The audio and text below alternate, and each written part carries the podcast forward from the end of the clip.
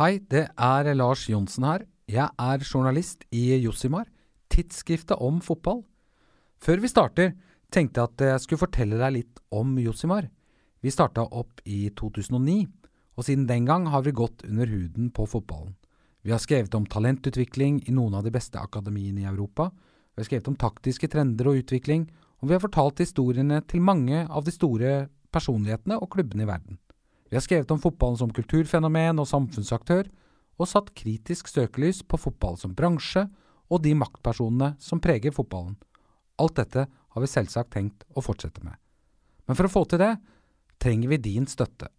Å støtte kritisk og uavhengig fotballjournalistikk, det gjør du rett og slett best ved å tegne et abonnement på Josimar.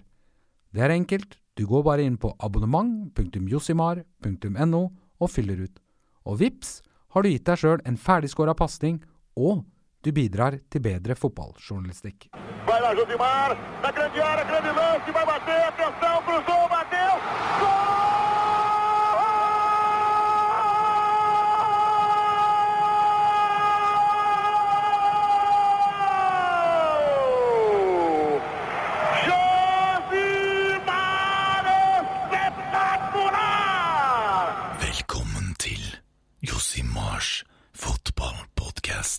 Høsten 2013 ble profilerte ledere i norsk fotball frifunnet for grovt bedrageri i en rettssak som fikk enorm medieoppmerksomhet. Var det en korrekt avgjørelse? Dette er Josimars dokumentar om Stengel Gunnarsson-saken. De frikjente av Lars Johnsen og Håvard Melnes. Lest av Lars Johnsen. Kapittel 7 Jeg fikk SMS-er av sponsorer der det sto 'Jævla svindlere'. Partene møttes i Paris 17. november. Ifølge Asker og Bærums Budstikke var Jim Solbakken Nancys mann under møtet. Han var der for å bistå den franske klubben og ivareta deres interesser overfor Stabæk. Under rettssaken høsten 2013 kom Nancy-direktør Nicolas Olvec med det som til da hadde vært ukjente opplysninger. Før partene ble enige om forliket, hadde Inge André Olsen under møtet i Paris tilbudt Nancy å kjøpe Herman Stengel. Inge André Olsen, som 19. juli hadde solgt en opsjon, en slags førsterett, på Herman Stengel til Vålerenga, prøvde 17. november å selge samme Stengel til Nancy som en del av forliket med den franske klubben. Ifølge Olsens forklaring i retten var bakgrunnen for at Stengel ikke ble solgt til Vålerenga i juli, og at klubbene i stedet hadde blitt enige om en opsjon, at Stengel var ettertraktet i hele Europa. Å selge ham var det siste vi ønsket. Et snaut år før rettssaken startet, forsøkte Inge André Olsen å selge spilleren som var ettertraktet i hele Europa, til den lille franske klubben Nancy. Men vi vurderte ham ikke som god nok, vi hadde sett ham i en kamp for Stabæk, forklarte Olvek under rettssaken. Jim Solbakken, som var på møte som Nancys mann, satt dermed på to stoler under forhandlingene, ettersom han også var agent for Herman Stengel. Nancy har aldri vært sure eller sinte i denne saken. Under rettssaken i Asker Bærum tingrett stilte aktor Morten Stene spørsmålet hva var egentlig fotballagent Jim Solbakkens rolle? Solbakken hadde fått det samme spørsmålet i politiavhøret. Svaret var at han var den eneste som kjente alt og alle, hele historikken, alle klubbene som var involvert, spillerne det var snakk om, og kontraktene deres. Da Stabæk ønsket å inngå forlik med Nancy, var Solbakken en naturlig mellommann. I vitneavhøret med fotballagenten er også følgende protokollført. På spørsmålet om hva vitnet tenker om at Nancy er den fornærmede part i denne saken, så sier vitnet at Nicolas ringte han og sa at media var på han og lurte på hva det kunne gjelde. Vitnet forklarte da om denne saken, og det Nicolas da sa til vitnet i en litt fleipete tone, var at vitnet skulle skaffe han noe mer penger. Nancy har ikke sett på seg selv som en fornærmet part i denne saken. På spørsmål om Nancy hadde meldt inn Stabæk til Fifa, sier vitnet at de ikke ville gjort det, men Nicolas sa til vitnet at det hadde vært fint om de fikk noe mer penger. Nancy har aldri vært sure eller sinte i denne saken. Og pengene til Nancy, det skaffet Jim Solbakken. Selv har han, ifølge vitneavhøret, ikke fått én krone i denne saken. Underveis i 2011 hadde Jim Solbakken hatt disse rollene. Agent for Herman Stengel. Agent for Stabæk i en fremtidig Stengel-overgang slik det framkommer av e-postutveksling med Inge André Olsen i mars 2011. Agent for Veigard Pall Gunnarsson i en periode i juli, før Gunnarsson bestemte seg for å bruke en annen agent. Representerte Vålerenga i Gunnarssons overgang fra Stabæk, som vises av e-post og telefonkorrespondanse med Truls Håkonsen og Arnor Gudjonsen. Mellommann på vegne av Stabæk da de ville inngå forlik med Nancy. Representerte Nancy da Stabæk inngikk forlik med den franske klubben i november. Den eneste parten Solbakken ikke på noen måte hadde representert av alle de involverte i overgangssaken, var Rosenborg. Da hadde Stabæk tapt flere millioner kroner. Nancy-direktør Olvek var ikke interessert i Herman Stengel. I retten ble det stadig gjentatt fra Stabæk-hold at Stengel hadde en høy verdi. Et poeng agent Jim Solbakken sa seg enig. Jeg er 100 enig i at Herman er verdt mye penger, sa Jim Solbakken i retten. Ingebrigt Sten Jensen hevdet følgende i sitt vitneavhør. Stengel er en juvel for Stabæk, og kan om noen år bli solgt for mange millioner til en storklubb i Europa. Vitnet sier det har vært stor interesse for HS i utlandet. Han sier det gikk rykter om at fotballklubben Stoke var interessert i å kjøpe Stengel for 20 millioner kroner. Vitner sier han etter opsjonsavtalen var bekymret for om Stoke kom med et bud på Stengel på 20 millioner i nær framtid. Da hadde Stabæk tapt flere millioner kroner. Ingen klubber i Europa hadde kommet med bud på Herman Stengel. Og da Inge André Olsen ble spurt av egen advokat Ole Petter Drevland om det hadde vært noen interesse rundt spilleren, svarte Stabæks sportssjef Uh, Jim nevnte at det var det, men det kom ikke noe konkret. Uten at det stoppet Inge André Olsen fra å hevde i rettssalen at Stengel var ettertraktet i hele Europa. Nancy hadde ikke vært interessert i Stengel, de ville ha kontanter. Det vi ville ha, var den riktige summen, 50% av overgangsbeløpet for Gunnarsson til Vålerenga, forklarte Nicolas Olvek under rettssaken og fortsatte. Vi hadde hørt om et beløp på fem millioner kroner, og derfor ville vi ha halvparten av det. Men ettersom det var to spillere involvert, mente Stabæk at 200 000 euro var det korrekte beløpet. Aktor Morten Stene forklarte grunnlaget for tiltalen, at Gunnarssons overgangssum var kamuflert gjennom en annen avtale, og spurte Holvek om han var kjent med lignende tilfeller i Frankrike. Ja, det har hendt at jeg har hørt om det, svarte Nancy-direktøren. Klubbene ble enige om et kontantbeløp, Stabæk skulle betale totalt 200 000 euro, omtrent 1,6 millioner kroner. Summen innbefattet den halve millionen kroner Nancy allerede hadde fått. Beløpet på 200 000 euro ble ifølge Stabæk regnet ut fra det første budet fra Rosenborg på 2,5 millioner kroner pluss noen av bonusklausulene. Roe ned sponsorer I avtalen som Josimar sitter på, ble partene enige om at ingen kunne gå på den andre parten, uansett utfall av påtalenemndas sak en sivil rettssak eller en straffesak. Om Stabæk skulle bli dømt i noen instans, frasa Nancy seg likevel mulighetene til ytterligere kompensasjon ved å inngå avtalen. Skulle Stabæk bli frikjent, kunne de ikke kreve summen tilbakebetalt av den franske klubben. Dette gjaldt også om det skulle dukke opp nye opplysninger eller dokumentasjon, eller om det skulle vise seg at Stabæk har holdt tilbake informasjon eller snakket usant overfor Nancy. At dette var en innrømmelse om at markedsprisen for Veigar Pall Gunnarsson var minst tre ganger så høy som det han ble solgt for, var ikke Stabæk med på. Denne avtalen er ingen innrømmelse fra Stabæk, og er inngått helt uavhengig av Norges Fotballforbunds vurdering av den såkalte Gunnarsson-saken. Dette er en avtale for å sikre at Nansys interesser er tilstrekkelig godt ivaretatt, sa Jarl Øverby i en pressemelding. Ifølge klubbformann Øverby hadde avtalen ingenting med påtalenemndas innstilling å gjøre selv om det i internkommunikasjonen mellom Erik Lo, Inge André Olsen, Lars Holte Sørensen og Tor Gu Aasrud framkommer at Stabæk ville forlike med franskmennene bare dersom det endte med påtale. Og som det står i SMS-en fra Lo til Olsen, Holte Sørensen og Aasrud, sendt 25. oktober klokken 18.11. Påtale Vi har avtale og venter bare på doms- og sanksjonsutvalget. Betale neste år, slik avtalen med RBK var. Ingen påtale, vi betaler ikke. Sponsorflukt Forliket med Nancy handlet om å roe ned sponsorene, ble det hevdet fra Stabæk-hold under rettssaken.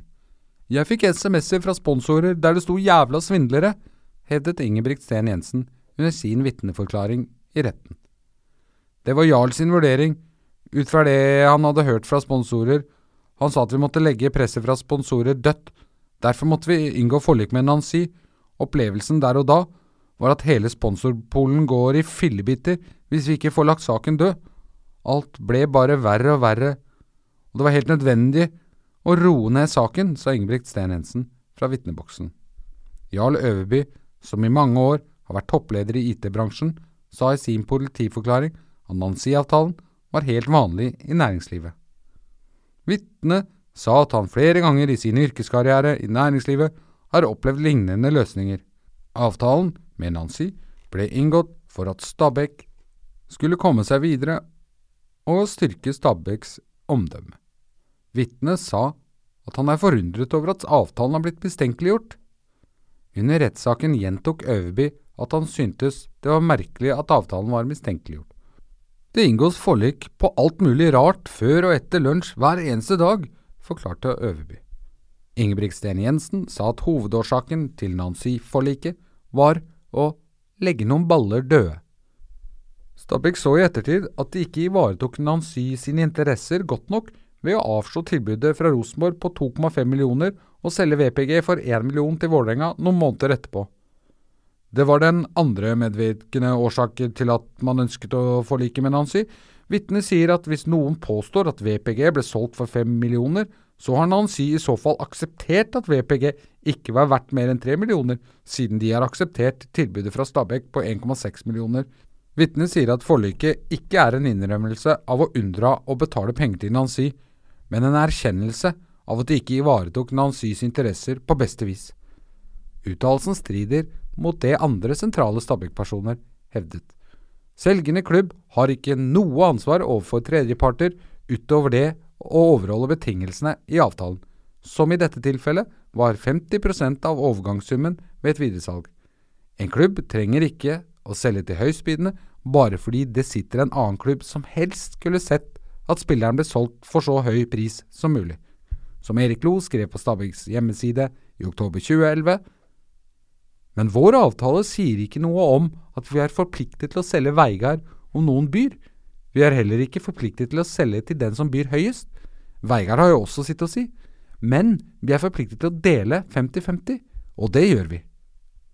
Advokat Jon Christian Elden, som representerte Stabæk Fotball og Stabæk Fotball AS, spurte Nancy-direktør Nicolas Olvek under rettssaken om hvilke forpliktelser Stabæk hadde overfor dem, om det lå noen føringer i videresalgsklausulen. Var det noen plikt eh, til å selge for en bestemt pris eller til en bestemt klubb? Spurte Elden. Nei, overhodet ikke, svarte Nancy-direktøren.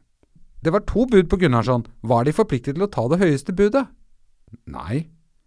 Kunne de gitt ham bort gratis, selv om de hadde et bud på ham? Ja. Inge André Olsens forsvarer, Ole Petter Drevland, spurte Nancy-direktøren om Stabæk på noe tidspunkt hadde erkjent at Veigard Pall Gunnarsson var verdt mer enn én million kroner. Ja, i og med at vi har fått betalt mer enn en halv million kroner, svarte Olvek. Vitnet sier at dette overhodet ikke har skjedd. Ifølge Stabæk lå det ingen innrømmelse fra klubbens side ved å betale Nancy 1,6 millioner, selv om de ikke var forpliktet til noe som helst utover å betale franskmennene halvparten av den millionen Gunnarsson ble solgt for. Likevel betalte de. Begrunnelsen? Å roe sponsorene. Men hvor bekymret var egentlig sponsorene? Trine Bell, leder for Stabæks økonomiseksjon, mente påtrykket fra sponsorer handlet om at de ønsket informasjon om hva som skjedde, og at de ønsket å være orientert om utvikling i saken før de leste om det i avisene. Ifølge politiavhøret med henne oppfattet hun at motivasjonen for å inngå en tilleggsavtale med Nancy var for å skape ro. Ifølge Ådne Mauritzen fra G4S, et sikkerhetsselskap som er en av Stabæks største sponsorer, som jevnlig deltok på frokostmøtene klubben hadde med sine sponsorer, var det slett ikke noe press fra sponsorene om at Stabæk burde inngå forlik med Nancy. Vitnet ble spurt om det var noen av sponsorene som presset på Stabæk om at de skulle komme til enighet med Nancy for å dempe trykket fra media og Stabæk sitt dårlige omdømme.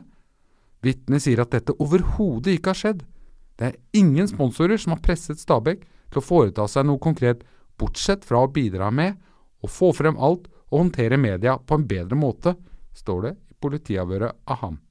Gudbrand Fossbråten, regionalbanksjef i Sparebank1 Oslo og Akershus, var på linje med Mauritzen. Vi har ikke diskutert saken, men det er ikke positivt at man i Stabæk har gjort det man har gjort.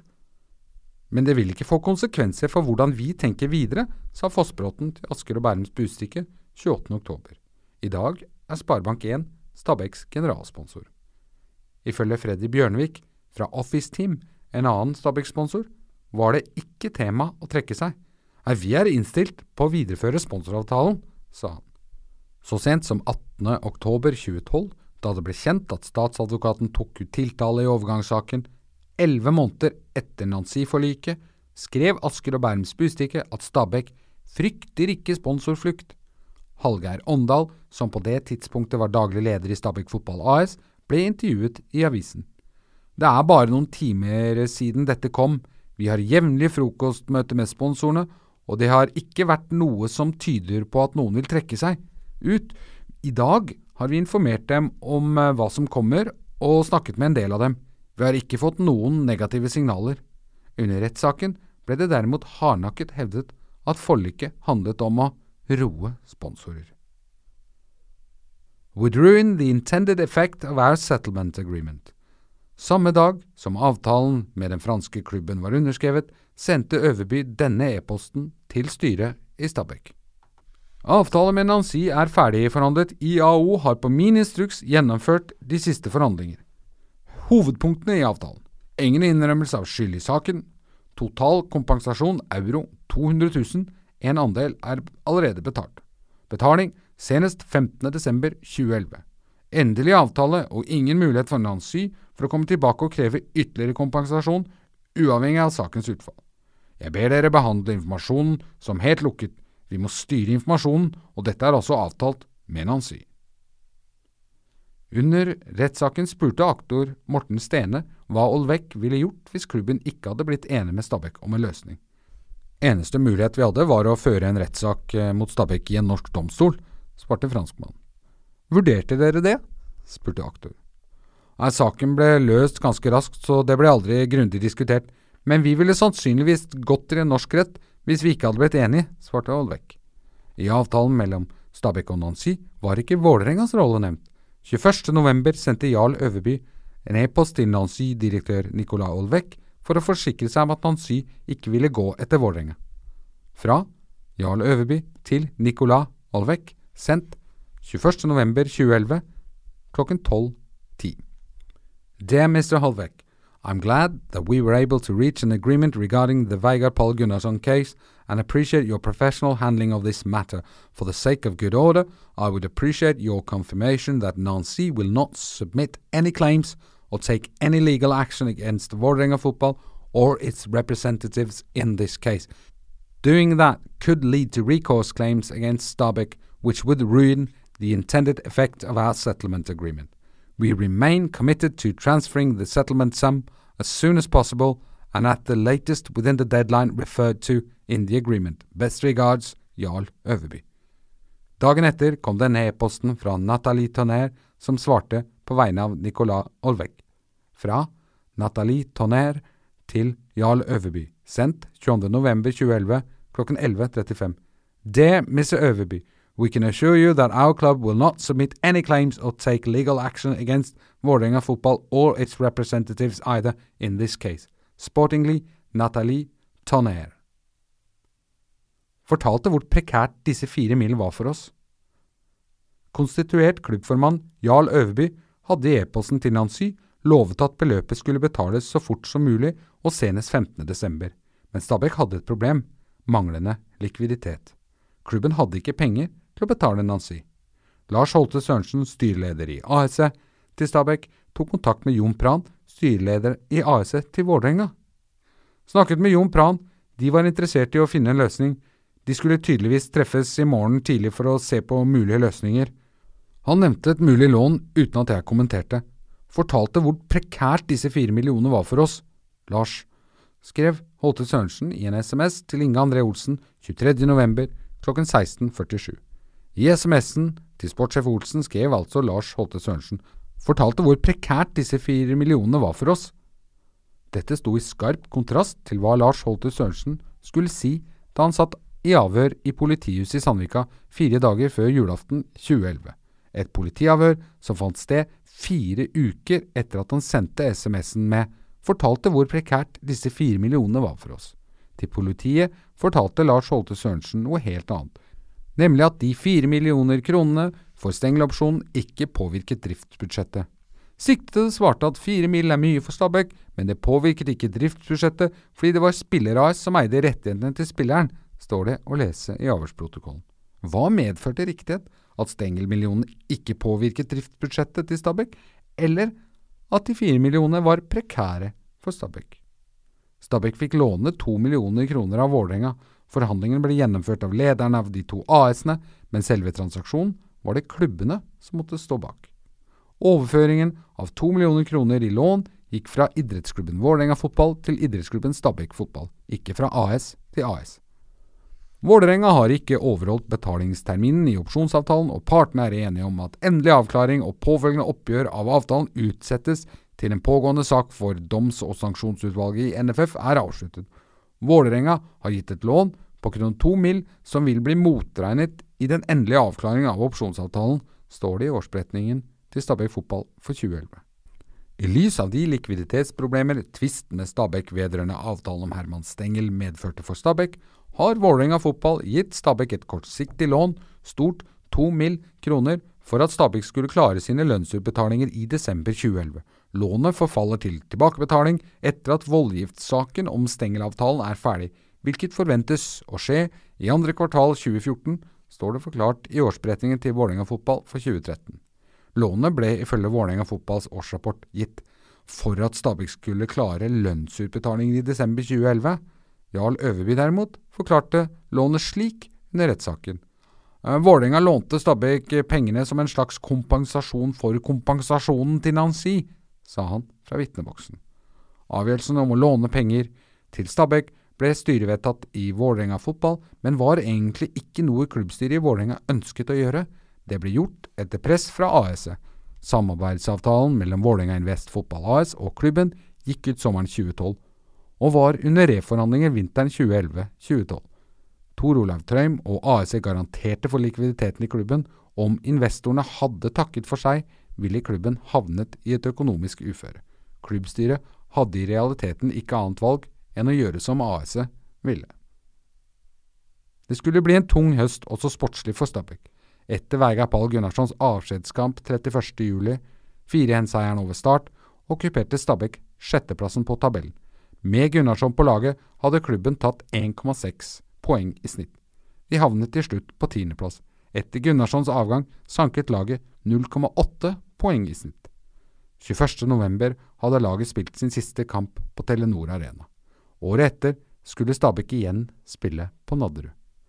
Noen dager etter forliket med Nancy, og fire dager før siste seriekamp på Ullevål, sendte Stabæk 23.11 oppsigelsesbrev til seks av 17 spillere i Asdalen. Haris Genderovic, Torstein Andersen Aase, Jon Knutsen, Tor Marius Gromstad, Jan Kjell Larsen og Jill Mbang Ondo fikk den tunge beskjeden. De to sistnevnte ble solgt fra Stabæk Fotball AS til investorselskapet Spiller-AS sammen med Herman Stengel for til sammen 7,8 millioner kroner. En transaksjon som ifølge avtalen ble gjennomført 28.6.2011, men som først er omtalt i Stabæk Fotballs styreprotokoll 15.8, og da med en ordlyd som forteller at transaksjonen skal skje fram i tid. Gilles Mbang Ondo, landslagsspilleren fra Gabon, skulle bare få én sesong i Stabæk, men sikret seg plass i historiebøkene ved å skåre det siste Stabæk-målet på Telenor Arena. I januar 2011 kom han gratis fra Island. I juli skrev han under en ny kontrakt med Stabæk. I august ble han verdsatt til 7,8 millioner kroner. I november fikk han sparken. I januar 2012 gikk Gilles Mbang Ondo gratis til Sandnes Ulf. En måned etter at Stabæk høsten 2010 annonserte at de styrte mot et underskudd på 27 millioner signerte de Haris Skanderovic til sjusifret årslønn. Etter én sesong i den blå drakta fikk han oppsigelsesbrevet av Inge André Olsen. Stabæk har lekt med vår framtid, våre familier og våre karrierer, sa Skenderovic til TV 2. Jon Knutsen fikk sparken etter tolv sesonger og 254 kamper for klubben. Han ble oppsagt noen dager etter at han fylte 37 år. Knutsen var en lojal spiller. En som gikk stille i dørene, som aldri var kravstor i lønnsforhandlinger. Reservekeeper Iven Austbø hadde en periode høyere lønn enn ham. Da Knutsen spilte seg inn på landslaget, fikk han sin første ordentlig gode kontrakt, og ble oppsagt. I motsetning til to spillere som hadde blitt oppsagt av Notodden fotballklubb pga. sviktende økonomi i samme tidsperiode som Stabæk-oppsigelsene, gikk ikke Stabæk-spillerne til sak. Saken ble løst ved at fire av Stabæk-spillerne takket ja til nye kontrakter til lavere lønn, mens andre gikk vederlagsfritt til andre klubber. Jon Knutsen gikk gratis til Fredrikstad. Knutsen skulle virkelig få kjenne på den sviktende norske fotballøkonomien. Han gikk fra oppsigelse i Stabæk til Fredrikstad, der han etter kort tid måtte godta lønnskudd. Da Jossimar skrev en artikkel om Notodden, rettssaken og Stabæk-oppsigelsene i utgave 1 2012, mente Jarl Øverby at situasjonen hadde vært kjedelig, men nødvendig, og at klubben hadde fulgt boka til punkt og prikke. Det er helt avgjørende at vi reduserer våre kostnader for ikke å sette klubben på spill. Noe annet enn å gjøre kostnadsreduserende tiltak ville være uansvarlig. Det kan ikke være slik at når man er i en ekstraordinær situasjon, så skal man frarøves muligheten til å tilpasse kostnadsnivået vårt. Det setter klubben på spill. Sånn kan det ikke være, sa Øverby noen måneder etter at han hadde initiert forliket med Nancy. Notodden-saken gikk helt til Høyesterett, som enstemmig fastslo at nedrykk eller sviktende sponsorinntekter ikke var grunnlag for å si opp spillekontrakter. Om Stabæk-spillerne hadde gjort det samme, ville de ha vunnet. Det er gått over to år siden rettssaken, og over tre år siden politiet startet sin etterforskning i overgangssaken når vi møter politiadvokat Morten Stene i kantinen på politihuset i Sandvika. Medietrykket var enormt. En journalist kunne ringe meg på morgenen og spørre om det var noe nytt i saken. Samme journalist kunne ringe meg etter lunsj og spørre om det var noe nytt i saken, sier Stene.